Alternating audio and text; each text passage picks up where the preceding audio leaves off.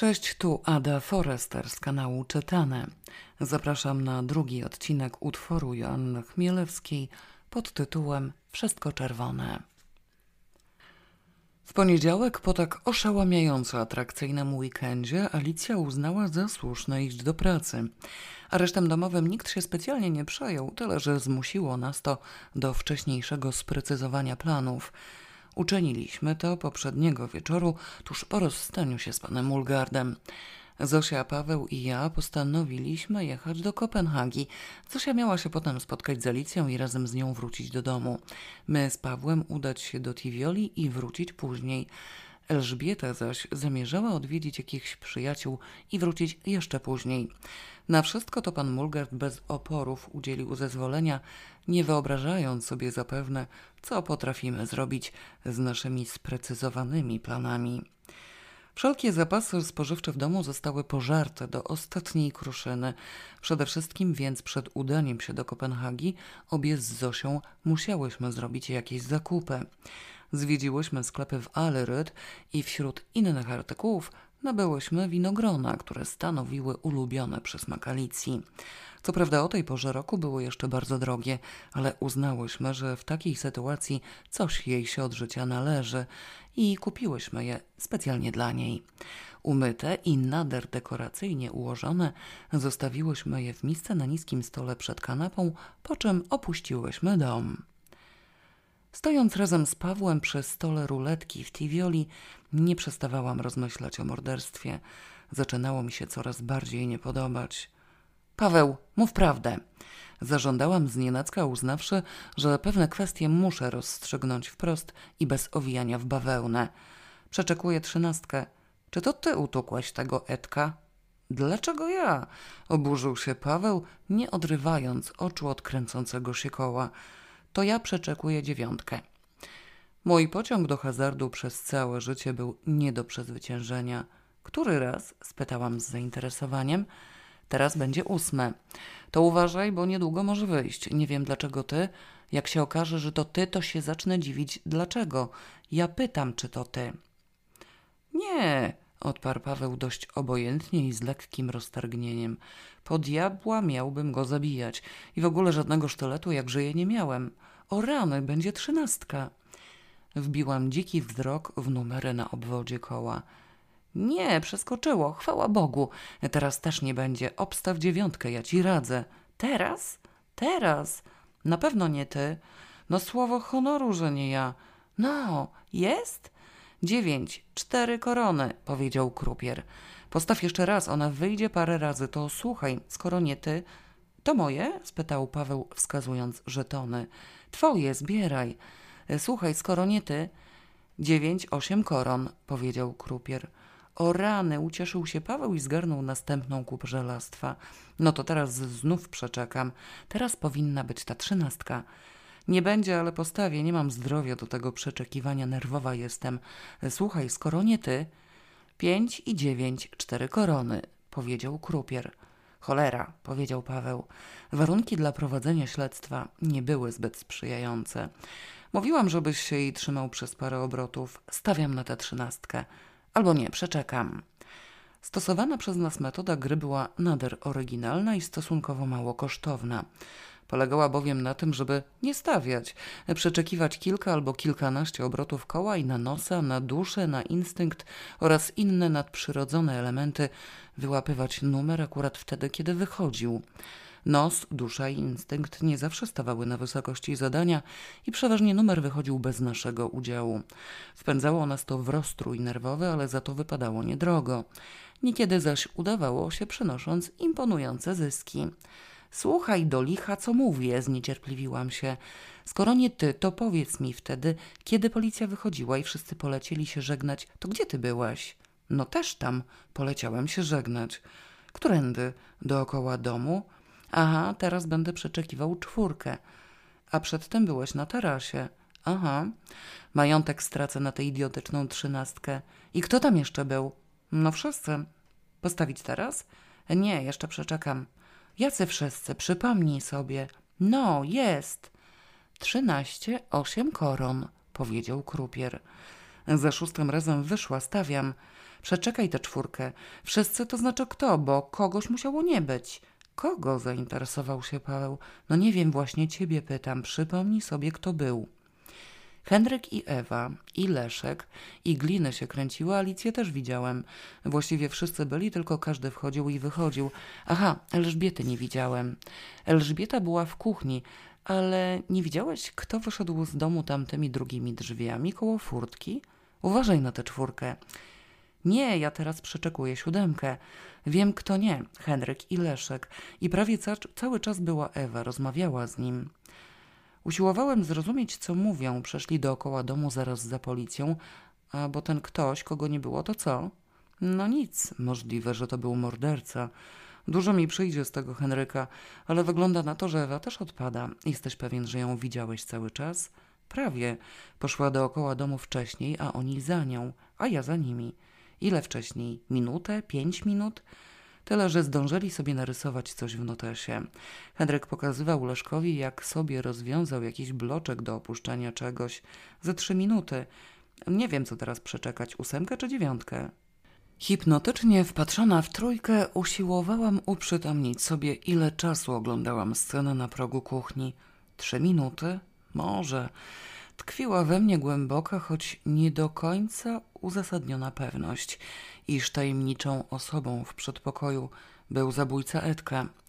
Nie miałam pojęcia, co tam robił, ale panujące ciemności, ostrożność jego ruchów, to wymknięcie się nieznacznie i bez hałasu tamtymi drzwiami wręcz zmuszały do nabrania w stosunku do niego podejrzeń.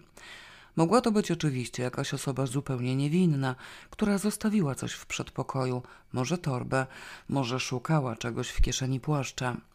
Nie, płaszcza nikt nie miał, raczej torbę, ale moim zdaniem powinien to być morderca.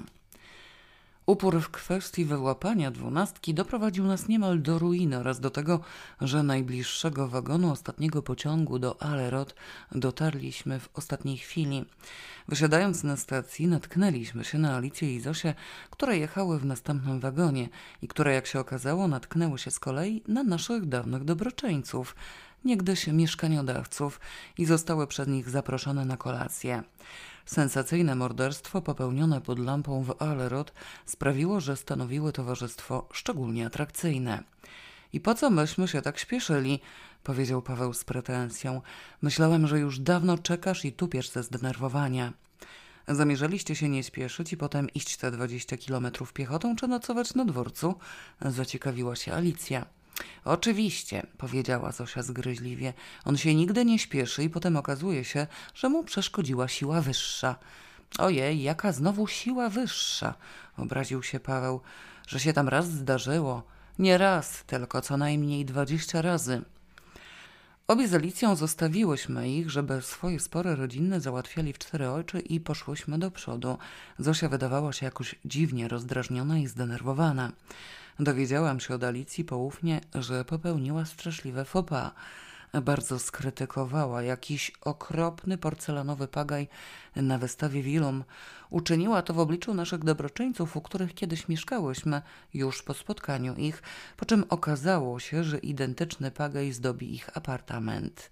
Usiłując naprawić gafę, pochwaliła z kolei coś, co w ich oczach uchodziło za dno szmiry i przynosiło wstyd domowi. Innymi słowy, miała strasznego pecha i wykazała się fatalnym gustem. Chichocząc Alicja dodała, że Zosia sama była jedyną osobą, która się tym w ogóle przejęła. Teraz prawdopodobnie drugą osobą będzie Paweł. Mamy dla ciebie niespodziankę, powiadomiłam ją z kolei. Jaką niespodziankę? Czeka w domu. Zosia ci nic nie mówiła? Nie, nic. Coś cię na litość boską wymyśliły. Jak dojdziesz, to zobaczysz. Możliwe, że nawet chętnie zużyjesz. Alicja przyspieszyła kroku. Zosia z Pawłem zostali daleko w tyle. Skręciłaśmy na ścieżkę do furtki. Elżbiety jeszcze nie ma? Zdziwiła się Alicja. Wszędzie ciemno.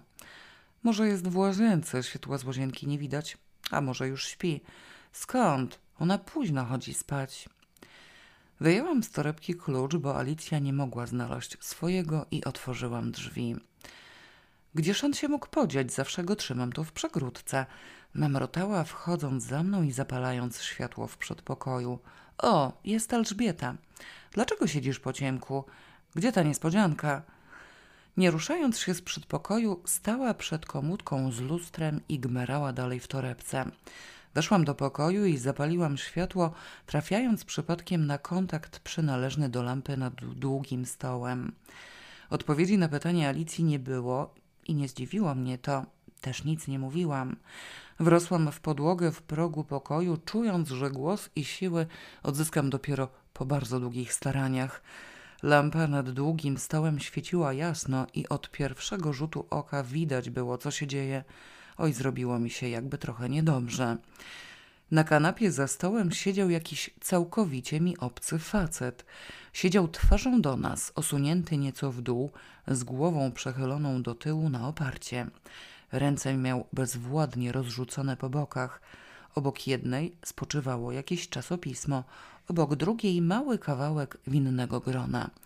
Twarz miał w jakimś okropnym, sino-zielonym kolorze, usta półotwarte, a wytrzeszczone oczy postawione w słup. Alicja znalazła wreszcie klucze na samym dnie torby, wyciągnęła je i nagle wyczuła chyba, że coś się stało. Spojrzała na mnie, a potem na kanapę za stołem. Co wam się... Zaczęła i urwała. Powoli postawiła torbę na krześle i powoli podeszła do stołu. Przejrzała się z bliska facetowi. To to ma być ta niespodzianka? Spytała w osłupieniu i ze zgrozą. Kto to jest? I niby jak mam to zużytkować? W pierwszej chwili chciałam ci nawet przepowiedzieć, że to zeżresz. Odparłam z jękiem, zastanawiając się równocześnie, co za klątwa ciąży nade mną. Moje niewinne przepowiednie sprawdzają się w najbardziej nieprawdopodobny i nieprzewidywalny sposób. Zapowiedziałam kiedyś mojemu eks-mężowi niespodziankę, mając na myśli wyjątkowo pięknie umyte okno z nowymi filankami, po czym okazało się, że okno owszem miało w tym swój udział.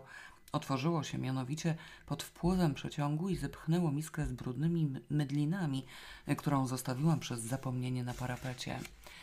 Zaprosiłam do mojej matki na kolację moją ciotkę, zapowiadając sensację w przewidywaniu atrakcyjnych plotek na mój temat. Materiału dostarczyłam, po czym okazało się, że sensacja istotnie była. Mój młodszy syn zepsuł zamek w zamkniętych na klucz oszklonych drzwiach do pokoju. Mój starszy syn, nie widząc innego rozwiązania, wybił szybę i cała rodzina była zmuszona przełazić po dwóch stołkach przez powstałą w ten sposób dziurę. Wiele miałam takich przypadłości, tym razem jednak pobiłam rekord. Zapowiedziałam niespodziankę w postaci winogron, a okazało się, że na kanapie siedzi obcy trup. Za drzwiami rozległy się głosy Zosi i Pawła. Alicja oderwała wzrok od nieboszczaka i spojrzała na mnie nieco błędnie. Kto to jest? spytała z pewnym wysiłkiem, prezentując nadludzko zimną krew. Znasz tego faceta? W życiu go na oczy nie widziałam. Zosia weszła, nie przewidując nic złego i znieruchomiała w progu. Jezus Mario, jęknęła w oszołomieniu. Kto to jest? Co mu się, co mu się stało? Niemożliwe, powiedział Paweł, wpatrując się ze śmiertelnym zdumieniem w nieznajome zwłoki na kanapie. Co się dzieje, jak rany? Kto to jest? Jak to? Nie znacie go? Zdenerwowała się wreszcie Alicja. To kto to jest w takim razie? Skąd się tu wziął? I gdzie jest Elżbieta? Jakim sposobem ja mam utrzymywać porządek w domu, do którego pierwszy lepszy z ulicy może sobie przyjść i umrzeć? Może on jeszcze żyje? Wymamrotał Paweł niepewnie, czyniąc krok w stronę kanapy. Zawahał się i cofnął. I tak wygląda? Gdzie Elżbieta? krzyknęła histerycznie Zosia. Tutaj jestem, powiedziała spokojnie Elżbieta, wychodząc z łazienki w szlafroku i z zakręconymi włosami. Czy coś się stało? Spojrzała na kanapę, zamilkła, podeszła bliżej, pochyliła się i przyjrzała z bliska facetowi. Staliśmy wszyscy jak zbiór słupów soli, zapatrzeni w nią tempo i bezmyślnie. Biedny Kazio, powiedziała z westchnieniem. Nie miałam pojęcia, co z nim zrobić. Na litość boską, powiedziała ze zgrozą zaskoczona Alicja. I zabiłaś go? Ach nie, odparła Elżbieta, nie tracąc spokoju. Przyprowadziłam go tutaj z nadzieją, że pozwolisz mu się przespać na miejscu Edka. Nie mógł się dostać do swojego mieszkania, bo zapomniał kluczy. Ciekawe, co mu się stało. Czas do przyjazdu pana Mulgarda spędziliśmy w kuchni w stanie przygnębienia i przerażenia, starając się nie spoglądać w stronę pokoju, słuchając wyjaśnień Elżbiety i usiłując przekonać Alicję, że jednak nie nieznajomego nieboszczyka miałam na myśli, mówiąc o niespodziance. Zosia nie mogła mi darować proroczej wypowiedzi. Na zmianę powtarzała, że nieszczęścia chodzą parami, co brzmiało dość fatalistycznie, lub też obarczała mnie winą za prowokowanie głupich wydarzeń. Przenieście tutaj te winogrona, niech je chociaż zjemy, zażądała w końcu w przygnębieniu z nadzieją dostarczenia przynajmniej jakiejś pociechy Alicji. Wykluczone, zaprotestował Paweł. Nie wolno nic ruszać przed przybyciem policji. Oj, nie kłóćcie się, powiedziała niecierpliwie Alicja. Mów co dalej. I co ten Kazio? Elżbieta kontynuowała wyjaśnienia rozpoczęte w obliczu strasznej postaci na kanapie. Kochał się we mnie, powiedziała dość obojętnie, dlatego właśnie tu siedział. To ten, o którym ci wczoraj chciałam powiedzieć, ten, który widział mordercę. Omal nas nie zatchnęło. Paweł zakrztusił się kawą, Zosia upuściła łyżeczkę. Wpatrzona w Elżbietę zgasiłam papierosa w cukiernicy. Elżbieta zdążyła już poinformować nas, że ów Kazio spoczywający za stołem w charakterze zwłok pracował w Kopenhadze, mieszkał w Aleret, towarzyszył jej w wizycie u znajomych, przyjechał razem z nią do domu, po czym okazało się, że klucze od tego domu zostawił w biurze. Biuro zaś o szóstej bywało zamykane. Nie miał się gdzie podziać, przyprowadziła go zatem na jedną noc do Alicji. Nie to jednak było wstrząsające, a fakt, że zakochany Kazio piątkowego wieczoru siedział w zaroślach w ogródku Alicji, starając się dostrzec Elżbietę. Udało się mu to kilkakrotnie, a oprócz tego dostrzegł coś więcej, coś, co mogło być wyjaśnieniem zbrodni. Siedział w krzakach od strony pleców Edka. I nie powiedział ci, co widział? spytała Alicja wstrząśnięta. Gdyby mi powiedział, od razu powiedziałaby mi tobie. Dopiero dziś przyznał się, że w ogóle coś widział. Wczoraj jeszcze nie byłam tego pewna. Mówiłaś przecież, że jest jeszcze jeden świadek. Mówiłam, że możliwe, że znajdzie się jeszcze jeden świadek. Wiedziałam, że Kazio tam siedział. On się nie chciał z początku przyznać, że siedział, bo mu było głupio. Ale jeśli siedział, powinien coś wiedzieć, przynajmniej mnie się tak wydawało. Pomyślałam sobie, że mi przebaczysz, że go tu przyprowadziłam, jeśli będzie miał jakieś ciekawe wiadomości. I nie powiedział ci od razu, nie spytałaś go. Ach nie, odparła Elżbieta z wyrazem bezgranicznej obojętności na pięknej twarzy zmęczonej Madonny. Mnie to nie interesuje. Wolałabym, żeby od razu powiedział tobie.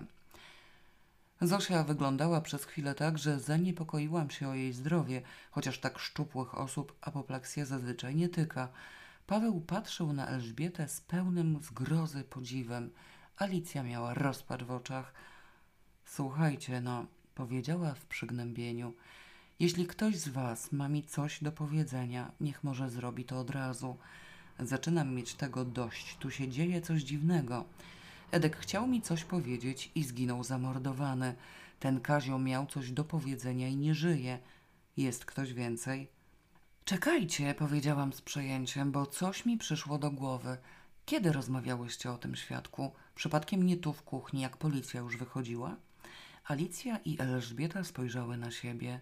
Tu w kuchni, ściśle biorąc, nie tu, tylko tam bliżej pokoju. Skąd wiesz?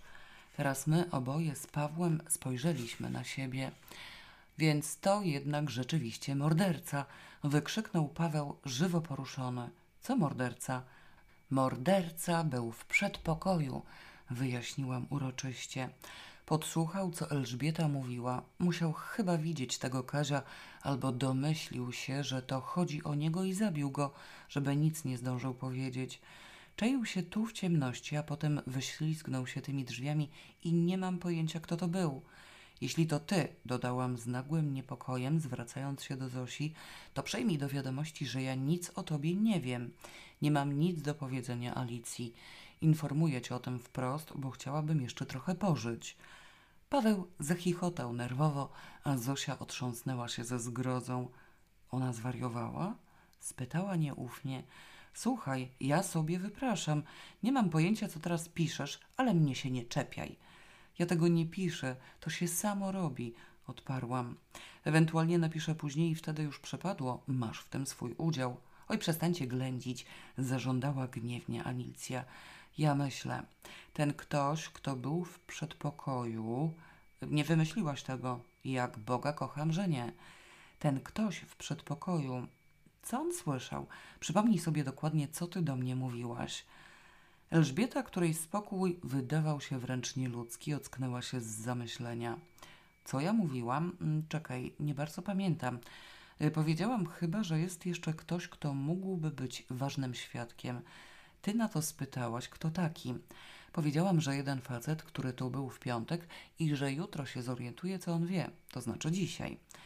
I mnie ktoś zawołał, uzupełniła Alicja z irytacją, a ten w przedpokoju to usłyszał i to był ktoś, kogo nie było na tarasie. Hm, duże odkrycie, zauważyła zjedliwie Zosia. Przestańcie mi przeszkadzać, trzeba sobie przypomnieć, kogo nie było na tarasie, w jakim to było momencie. Na chwilę przed odjazdem glin już próbowaliśmy sobie przypomnieć obydwoje z Pawłem. Nic nam to nie daje, uniewinnia tylko ostatecznie Leszka i Henryka. Alicja zamyśliła się mieszając kawę, po czym ocknęła się nagle. Czy ja słodziłam tę kawę? Tak, powiedziała Zosia. Nie, powiedział Paweł. Oj, zdecydujcie się na coś. Może po prostu spróbuj, poradziłam. Alicja spróbowała. Nie, powiedziała, sięgnęła po cukier, wydobyła z niego niedopałek papierosa i nieco popiołu wrzuciła do pudełka z landernkami. Coś mi tu nie pasuje. Zabił go, żeby mi nie powiedział, skąd wiedział, że on tu będzie, skąd wiedział, że to właśnie on. Elżbieta, czyś ty tego nie powiedziała jakoś inaczej? Możliwe, przyznała Elżbieta spokojnie. Możliwe, że powiedziałam, że to ja coś wiem i że jutro się zorientuję co. Możliwe, że powiedziałam, że jest coś ważnego, co ty powinnaś wiedzieć. Nie wiem, wszystko jest możliwe. Ależ to jest ogromna różnica, jeśli mówiłaś, że ty coś wiesz. Nie zdziwiłabym się, gdyby usiłował zabić ciebie. Już od kilku minut mój umysł pracował intensywnie. On usiłował, powiedziałam stanowczo. Nie polował na żadnego Kazia, polował na Elżbietę. O Kaziu pewnie nic nie wiedział. Wiedział natomiast, że Elżbieta aż do wieczora nic ci nie powie, bo rano lecisz do pracy a nikt normalny nie wstaje o wpół do siódmej rano, żeby sobie powierzyć śmiercionośne tajemnice. Zwłaszcza, że o tej porze i tak byś nie zrozumiała, co się do ciebie mówi. Potem ewentualnie mogłybyście się spotkać w ciągu dnia, ale nasze plany tego nie przewidywały. Wszyscy słyszeli, jak mówiliśmy, co będziemy robić. Trochę nam się pokręciło, myśmy miały wrócić wcześniej, wy później, a Elżbieta najpóźniej. Nie wiem, jak on to sobie wyobrażał. Coś mnie nagle tknęło w inteligentniejszej części mojego wnętrza. My wcześniej, wy później. Powtórz to jeszcze raz, coś mi tu nie pasuje. Skrzypnięcie furtki, kroki za drzwiami i pukanie oznajmiły nam, że przybył pan Mulgert z asystą. Alicja podniosła się z krzesła. Co ci nie pasuje? spytała już w przedpokoju. No nie wiem właśnie, coś mi zaświtało. Teraz nie ma na to czasu, później ci powiem. Na litość boską! krzyknęła, odwracając się ku mnie w nagłej panice. Mów natychmiast, nie życzę sobie tutaj jeszcze i twoich zwłok. Pan Mulgard stał już w otwartych drzwiach i usłyszał te słowa, które zresztą ucieszyły mnie nadzwyczajnie. Wywnioskowałam z nich bowiem, że Alicja życzy mi raczej dobrze. Uczepił się ich w godzinę później, kiedy na nowo zapanowało coś w rodzaju spokoju. Wraz z nim i z całą ekipą śledczą przybył lekarz. Głupio nam było trochę kryć się tchórzliwie po kątach, unikając widoku nieboszczyka. Zebraliśmy zatem wszystkie siły duchowe i weszliśmy za nim do pokoju, zdecydowanie mężnie asystować przy badaniach. Lekarz ujął rękę nieszczęsnego Kazia, potrzymał ją przez chwilę, opuścił z powrotem na kanapę i zadumał się głęboko. Na obliczu błysnął mu wyraz zainteresowania i zdążyłam pomyśleć, że Kazio zmarł zapewne na jakąś niezwykle rzadką i atrakcyjną chorobę, kiedy nagle nastąpiło coś wstrząsającego. Nieboszczyk łypnął okiem. Nie było to żadne złudzenie optyczne ani nic w tym rodzaju. Łepnął wyraźnie. Zamarłam, a wraz ze mną i reszta obecnych. Paweł wydał z siebie jakieś harknięcie. Alicja uczyniła gwałtowny skłon ku przodowi i zastygła w tym skłonie. W powietrzu powiało grozą. Nieboszczyk łypnął okiem po raz drugi. Za sobą usłyszałam czyjś jęk, zapewne Zosi. Prawdopodobnie wszyscy razem rzucilibyśmy się za chwilę do ucieczki, demolując w panice przedpokój i drzwi wejściowe, gdyby nie to, że w lekarza wstąpiło nagle nadzwyczajne ożywienie. Dość gwałtownie ułożył łypiące zwłoki na kanapie i przystąpił do pośpiesznego badania. On żyje, powiedział stanowczo. Do ambulansu, szybko. Powiedział to po duńsku, ale zrozumieliśmy wszyscy. Nim ktokolwiek zdążył ochłonąć z wrażenia, już sanitarka z Kaziem w środku, wyjąc i świecąc, ruszyła do szpitala. Jak to żyje? powiedział Paweł jakby z pretensją. Jakiś kant. Kto to widział, żeby tak wyglądać i żyć? Żyje. O, żyje. Potwierdziła radośnie Alicja, nie kryjąc ulgi. Uśpiło go, sparaliżowało i rzuciło mu się na mózg i coś tam jeszcze. Nie wszystko zrozumiałam. To była chyba jakaś trucizna o piorunującym działaniu, ale zdaje się, że za mało tego zjadł. Jeszcze długo będzie nieprzytomny. Zosiu, rany boskie. Zosia oddychając głęboko usiadła na torbie z zakupami, ugniatając razem rzeżuchę, pasztet, sałatki i krem w proszku. Pozwoliła to wyciągnąć spod siebie i zażądała środka uspokajającego. Ekipa śledcza przystąpiła do działania. W panującym zamieszaniu Alicja, niezdolna na poczekaniu znaleźć relanium, napoiła ją kroplami inoziemcowa, przekonana, iż serwuje krople walerianowe. Zosia, która nie znosiła mięty, odzyskała siłę w mgnieniu oka. Za kaziem wyniesiono owoce ze stołu, różne lekarstwa, części naszych kosmetyków i nieco pożywienia z kuchni. Wszystko to rekwirując w atmosferze wersalskich rewerencji. Pan Mulgard wyprawił ekipę i rozpoczął przesłuchania. Kogo ze zwłoka pani życzy sobie tu? spytał bardzo uprzejmie i równie stanowczo, na nowo otwierając swój notes. Ucho moje słyszało, jakiego ze zwłoka pragnę wiedzieć, bez zwłoki. Ze zwłoka bez zwłoki, powtórzył z pewnym trudem i wyraźnym upodobaniem, najwidoczniej delektując się bogactwem subtelności polskiego języka. Można było wręcz mniemać, że zagadkowe zbrodnie Waler odtraktuje jak okazję do studiów lingwistycznych. Paweł patrzył w niego jak w obraz, Alicja natomiast z wyraźnym roztargnieniem. Zaraz, powiedziała, czyniąc gest usuwający pana Mulgarda razem z jego subtelnościami na jakieś dalekie tyły. Zdaje się, że zaczęłaś coś mówić i to miało być ważne. O co ci chodzi? Nie byłam w stanie wyjaśnić jej, o co mi chodzi, bo fakt, że ów Kazio spożył jakąś piorunującą substancję, pomieszał mi mgliście kiełkującą koncepcję. Jeśli ktoś chciał otruć nie Kazia, ale Elżbietę, jeżeli ktoś chciał otruć nie Kazia, ale Elżbietę, to nie spełniałby przecież tego zamiaru w domu pełnym ludzi. Po powrocie Elżbiety dom powinien być pełen ludzi.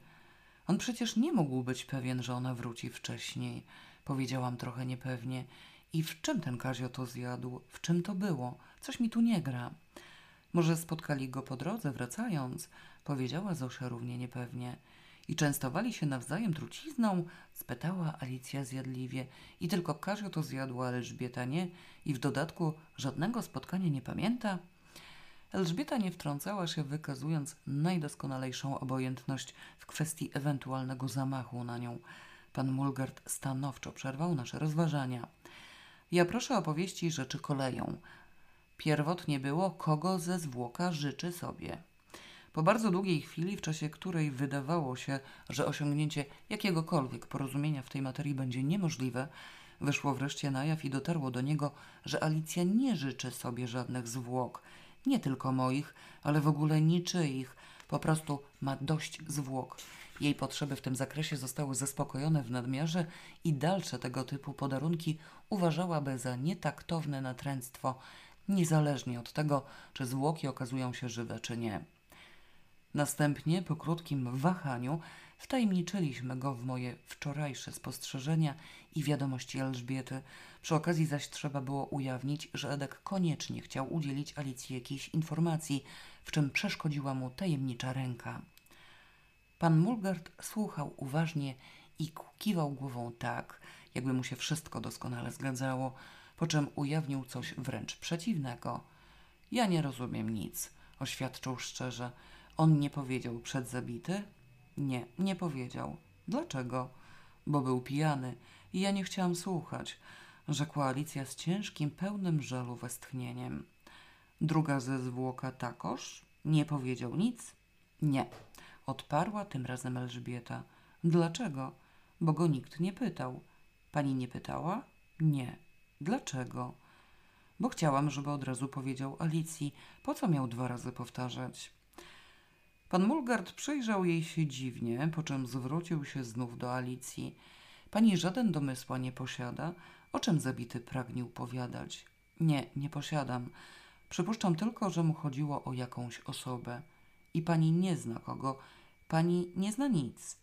Nic nie wiem i nikogo nie znam, powiedziała Alicja stanowczo. Ja nie rozumiem, powtórzył pan Mulgard i popadł w głębokie zamyślenie. Nie wiadomo, jak długo pozostawałby w tej zadumie, której przez dobre wychowanie nie chcieliśmy przerywać, gdyby nie załatwił tego dzwonek telefoniczny. Policyjne laboratorium umówione z nim przekazywało najnowsze wiadomości. Trzeba przyznać, że niektóre badania załatwiano piorunem. Tak, powiedział pan Mulgard, odłożywszy słuchawkę. Nasze mniemanie było takie i jest. Trucizna była we winne grona, cienka igła, iniekcja. Mały kąsek, któren spoczywał przy ręka. On spożył dwa owoce, pozostałe cztery owoce, razem sześć owoce, syte jad. Inne nie. Te były odgałęzione, sama góra, niezespojone. Na litość boską, co on mówi? Spytała pobladła nagle Zosia, że ktoś wstrzyknął to świństwo do winogron – Wyjaśniłam również, czując się trochę nieswojo, do oderwanego kawałka, który leżał na samej górze. To były winogrona dla Alicji. To też właśnie, powiedziałam i nagle umilkłam. Pogmatwana uprzednio koncepcja objawiła mi się w całej okazałości. Poprzestawialiśmy sobie czas powrotu do domu. Alicja miała wrócić najwcześniej, a o jej namiętności do winogron wiedzieli wszyscy. Trucizna była też dla Alicji. Oświadczyłam z ponurym i bezsensownym triumfem. Było jasne, że złapie ten kawałek z wierzchu i pożre, zanim ktokolwiek mrugnie okiem i padnie trupem. On wcale nie chciał zabić ani tego Kazia, ani Elżbiety. Alicja popatrzyła na mnie z wyraźną dezaprobatą. Edka też nie chciał zabić. Pomylił go ze mną. Głupiaś, myśl logicznie. Edkowi zamknął gębę, ale ty się możesz dowiedzieć. Urwałam, bo przypomniałam sobie, że Alicja postanowiła nie mówić o liście. Ja wyrażam potwierdzenie, powiedział pan Mulgard, i dlatego powoda ja nie rozumiem. To była jadowita ciecz dla niewiasta, która pierwsza posili się. Nieżywa osoba, tu wskazał palcem Elżbietę, winna była ostatnia powracać do dom. Pożywić się winna ta dama, albo ta dama. Gestem wyraźnie potępiającym wskazał z kolei Alicję i Zosię. Zaplanowane było, dwie damy wracają pierwej. No widzicie, coście najlepszego narobiły. Powiedziałam może trochę nietaktownie. Przyjmujecie zaproszenie na kolację i przez to truje się niewinny facet. Paweł, szepnęła Zosia pobladłymi wargami. Wy z Pawłem mogliście wrócić wcześniej. No właśnie, nie narzekaj na drugi raz, że ja się nie śpieszę, powiedział Paweł z nieskrywaną satysfakcją. My byśmy nie zażarli, zaprotestowałam. Wyraźnie było mówione, że to dla Alicji. Zosia straciła równowagę do reszty. Myśmy to kupiły, krzyknęła rozdzierająco. Poderwała się z fotela i opadła na nie z powrotem. Myśmy to kupiły. Dla niej. Oj, uspokój się. Jak kupowałyśmy, to jeszcze nie było zatrute. No więc kto? Kiedy? To myśmy wiedziały, że to dla niej. O rany boskie opanuj się. Nie faszerowałyśmy tego przecież trucizną. Ale nikt inny nie wiedział. Wszyscy wiedzą. Wszyscy wiedzą, że ona to rąbie jak maszyna. Przestańcie się kłócić, powiedziała stanowczo Alicja. Macie rację, to było dla mnie. Zeżarłabym ten kawałek z wierzchu jak amen w pacierzu. On się mnie boi. Załatwił Edka i teraz ja mu zostałam. Przez chwilę patrzyliśmy na nią w pełnym zgrozy milczeniu. Jako niedoszła ofiara podstępnego zamachu, którego przyczyny na razie były w najwyższym stopniu zagadkowe, nabrała nagle jakichś nowych, niezwykłych cech i przeistoczyła się wręcz w dziewicę wyleczoną przez labirynt na pastwę Minotaura.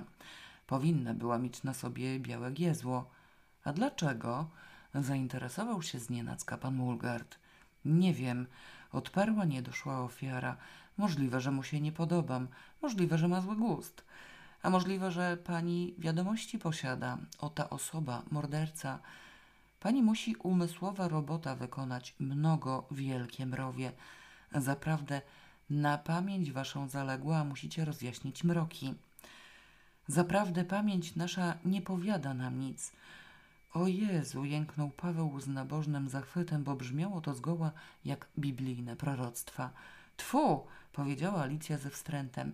Nic sobie nie przypominam i nie mam pojęcia, o co mu chodziło, ale mogę się zastanowić. Przyjrzała się w zadumie panu Mulgardowi. Pomyślę, zapewniła go. Jak sobie co przypomnę, to panu powiem. Pan Mulgard wyraził wdzięczność za obietnicę, po czym zainteresował się techniką popełnienia drugiej zbrodni.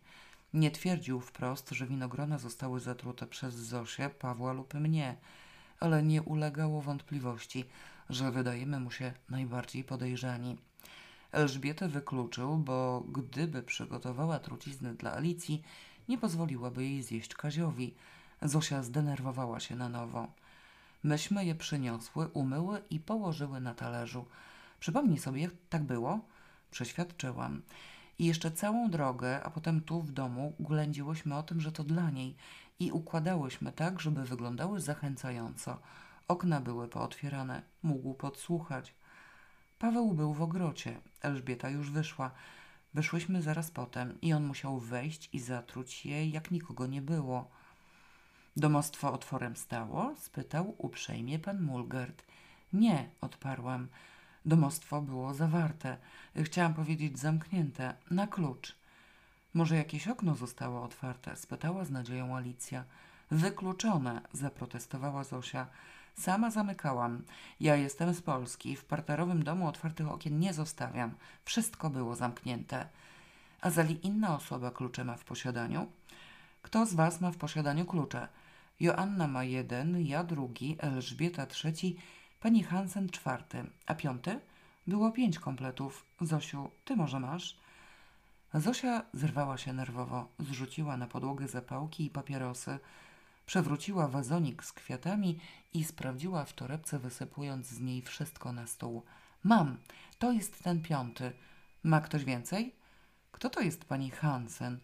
Spytałam podejrzliwie, bo w pierwszej chwili wydawało mi się, że Alicja mówi sama o sobie, albo też zapomniała, jak się nazywa.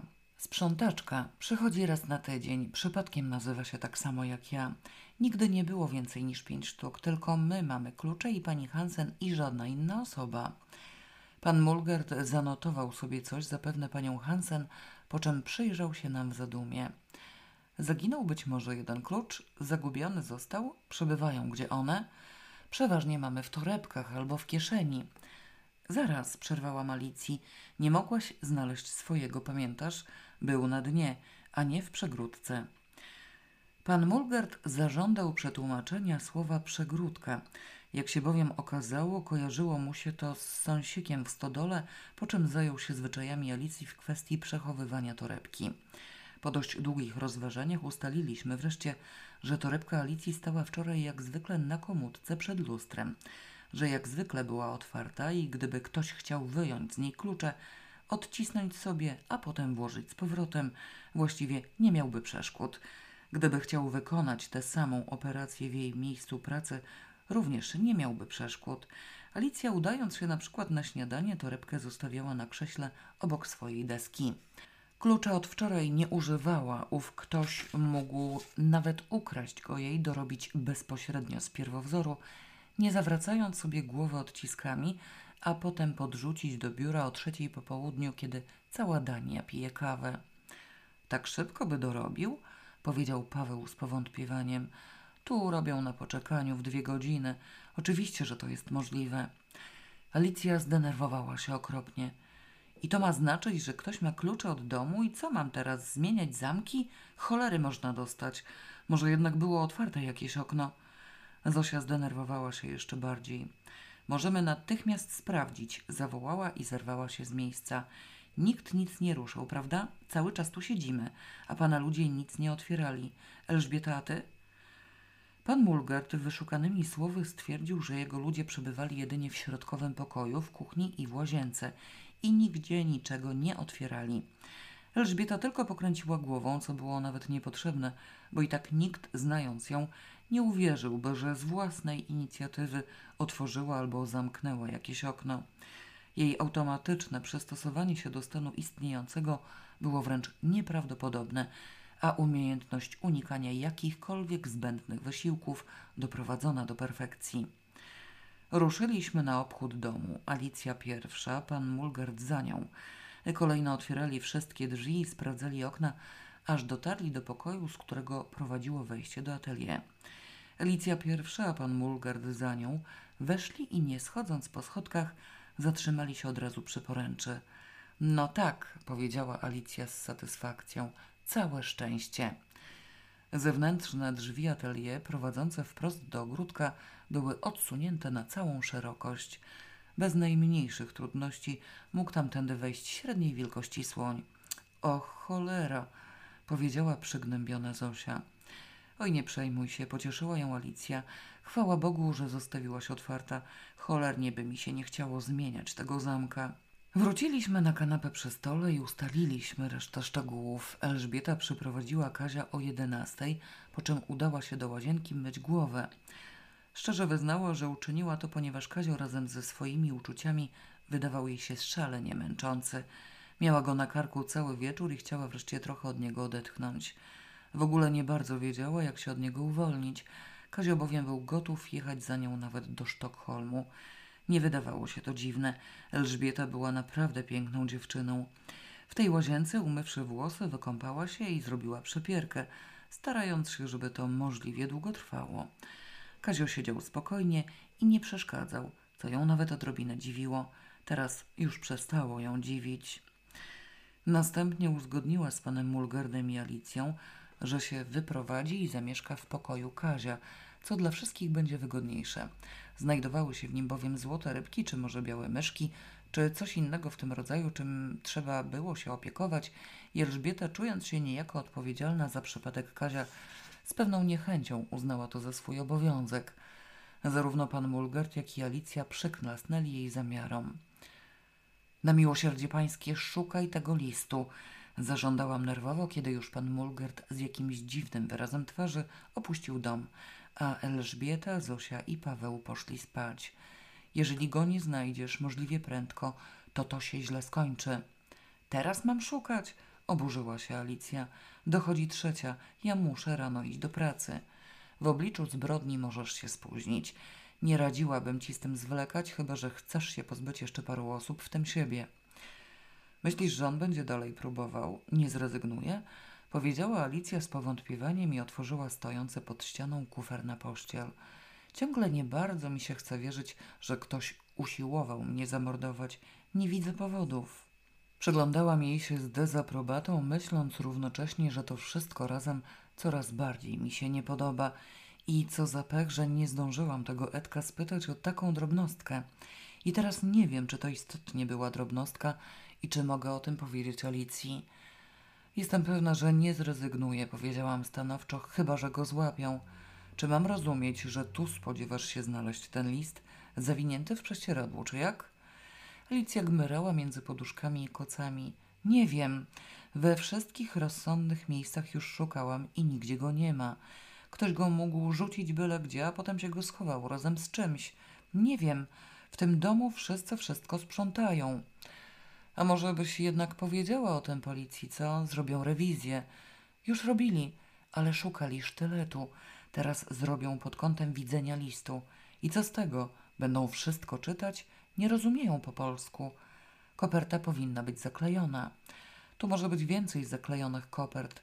Adresu nadawcy nie było, ale znam pismo Edka i dlatego wiedziałam, że to od niego. Mam ich nauczyć pisma Edka i co, będą mi gmerać w papierach? Poprzewracają wszystko do góry nogami. Mowy nie ma. Wybij to sobie z głowy. Wiedziałam, że w gruncie rzeczy o to właśnie chodzi. W kwestii gmerania w papierach Alicja była nieugięta. Przez całe życie po wszystkich jej domach poniewierały się parę ton makulatury, która w całości była jej niezbędna do egzystencji.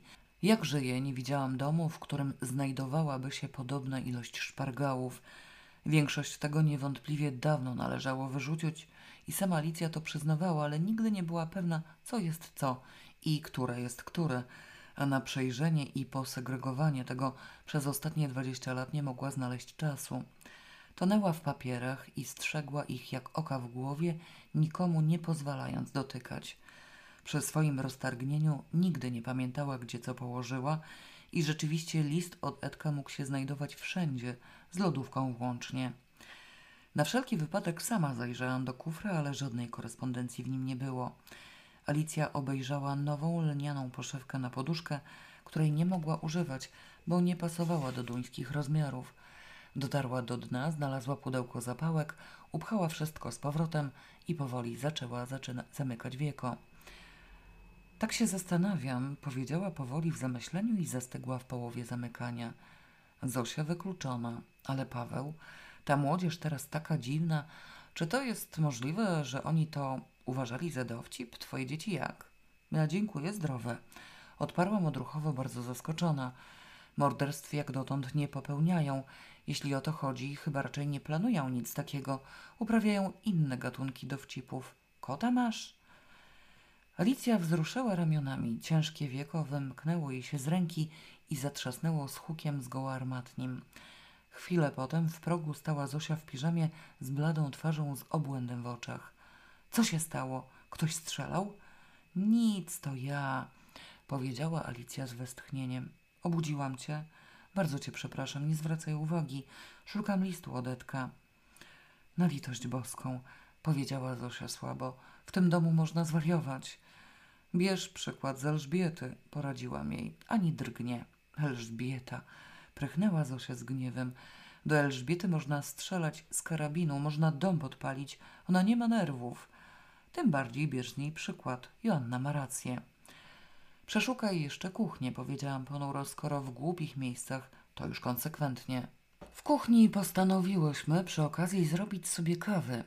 Alicja zdecydowała się nie pójść w ogóle do biura, uznawszy, że dwie zbrodnie pod rząd, nawet jeśli jedna z nich jest trochę nieudana, są wystarczającym usprawiedliwieniem, szczególnie jeśli przyjmie się, że to ona miała paść ofiarą. Wróciłam do kwestii młodzieży. Paweł nie budził we mnie żadnych podejrzeń, zarówno jako młodzież, jak i jako on sam. Przypuszczenie zaś, że moje dzieci miałyby przejawiać tak zwyrodniałe poczucie humoru, wydało mi się co najmniej niesmaczne. Nie omieszkałam poinformować o tym Alicji. W takim razie kto? Ktoś w końcu tego Edka zabił i ktoś doprawił winogrona. Ktoś podobno czyha na mnie. Kto? Ty? Dlaczego ja do diabła? Nie mnie ten Edek wziął, nie mnie grzębił. Stojąca na wysokim kuchennym stołku i gmerająca w szafce Alicja odwróciła się z takim rozmachem, że połowa puszek z górnej półki z łoskotem runęła na podłogę. Z jednego słoika wysypała się kawa. Nic co ci robił? Co? Nic mi nie robił.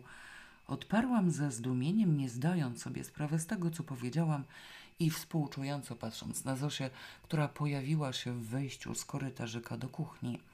Jedną ręką trzymała się za głowę, a drugą za serce. Alicja, ty mnie wpędzisz do grobu, powiedziała z goryczą, spoglądając na pobojowisku naszych stóp. Przestań reagować po prostu, poradziła jej stanowczo Alicja z wyżyn stołka. Nastaw się duchowo i nie zwracaj uwagi. Okazuje się, że Joannie Edek robił coś takiego, że naprawdę trzeba go było zabić. Przypuszczam, że zwariowałaś ze strachu, powiedziałam z odrazą. Co na litość boską Edek mi robił? No właśnie nie wiem, powtórz co powiedziałaś. Zosia patrzyła na nas z rozpaczą w oczach. Powiedziałam, że nim nie grzał, nim nie ziębił. Ział, Edek cię ział i grzębił. Oszalałaś? Przeciwnie, nie ział mnie i nie grzębił. Nie, powiedziała Zosia, to jest nie do zniesienia. Trupy i obłęd, wy chyba obie jesteście pijane. Odwróciła się i nieco chwiejnym krokiem oddaliła się w głąb korytarza. Zamknij za nią drzwi, powiedziała Alicja. Już się nie miało co wysypać, tylko akurat kawa. Ciekawe, kto ją odkręcił.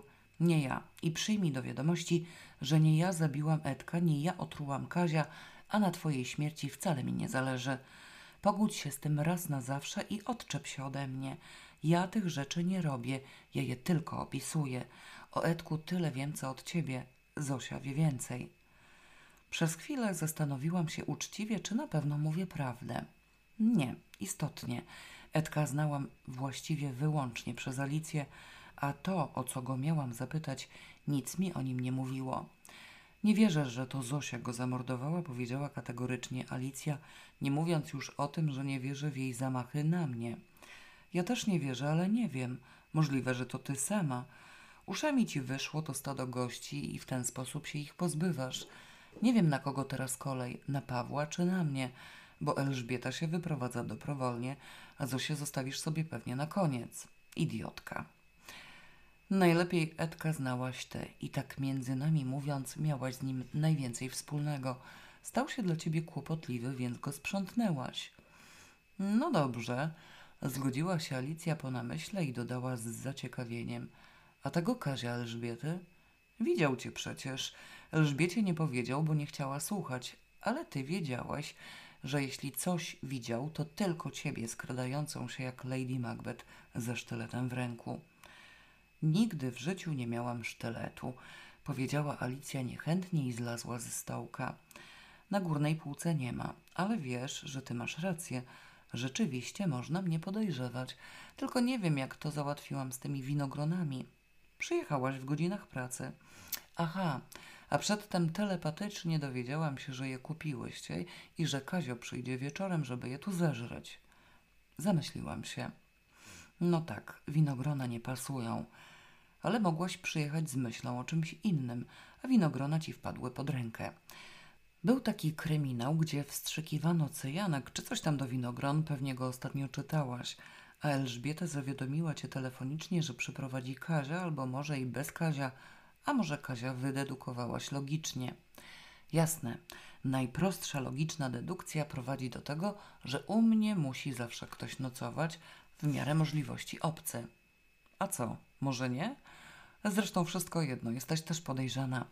Widocznie miałaś swoje powody, twoja rzecz. Rób sobie teraz co chcesz, żeby cię nie złapali. Szukaj tego listu. Alicja zmiotła z podłogi resztki kawy i wysypała do pojemnika na śmierci. Nie wydawała się specjalnie przejęta moimi rozważaniami. Zgasiła palnik pod czajnikiem i wyjęła z szafy dwie filiżanki. Sięgnęłam po puszkę z kawą stojącą na podręcznej półeczce nad stołem i wsypałam po dwie łyżeczki do filiżanek, stwierdzając przy okazji, że w puszce już niewiele zostało. Nie chciało mi się teraz wstawać i dosypywać. A tak już na serio bez wygłupów, powiedziała Alicja siadając przy stole. Zastanawiam się, kto z nich naprawdę mógł to zrobić. Zosia nie bardzo wie, co Edek robił w Warszawie i z kim się spotykał. Jak ty myślisz? Zawahałam się. Gdyby Alicja miała jakieś pojęcie o tym, z kim się Edek spotykał, niewątpliwie wyznałaby to z nadzieją, że pomoże w ten sposób ujawnić mordercę. Informacja, kim był facet w czerwonej koszuli, skąd się wziął i jak się nazywał, prawdopodobnie zeszła do grobu wraz z Edkiem. Miałam go o to zapytać. Mogło się to okazać nadzwyczaj ważne. I znów teraz trzeba będzie dochodzić do celu okrężnymi drogami, bo jedyny człowiek, który znał odpowiedź, nie żyje. I możliwe, że nie żyje właśnie dlatego, że znał odpowiedź. W ogóle nie słuchasz, co mówię, powiedziała Alicja z naganą. Moim zdaniem Ewa jest możliwa. Rzeczywiście nie słuchałam, co mówiła. W głowie kłębiło mi się zupełnie co innego i użyte przez nią określenie wydało mi się co najmniej nieodpowiednie. Ewa ze swoimi wielkimi, jasnymi oczami w oprawie czarnych rzęs, z pełną wdzięku, wyrazistą twarzą, z ponętną figurą, możliwa? Możliwa? Moim zdaniem to jest piękna kobieta. A cóż to ma do rzeczy? spytała Alicja, patrząc na mnie ze zdumieniem. Uroda jej miała przeszkodzić? Uroda na ogół raczej pomaga. W czym miała jej przeszkodzić? W mordowaniu Edka. Mówię, że Ewa wydaje mi się możliwa, prawdopodobna. A, powiedziała mu, łapiąc wreszcie sens. Ewa, mówisz? A dlaczego? Po diabła miałaby teraz Edka zabijać. Widziała go tu na oczy pierwszy raz w życiu. Drugi, poprawiła Alicja. Pierwszy raz widziała go w Warszawie, jak mu zawiozła ode mnie ten pędzel do godlenia. Spotkała się z nim. I to ją tak zdegustowało, że przy następnej okazji od razu go utukła? Głupiaś! Mogła zrobić coś kompromitującego. Była sama, bez roja. Edek o tym wiedział, był świadkiem. Równie dobrze mógł go zabić Roy. On ją kocha.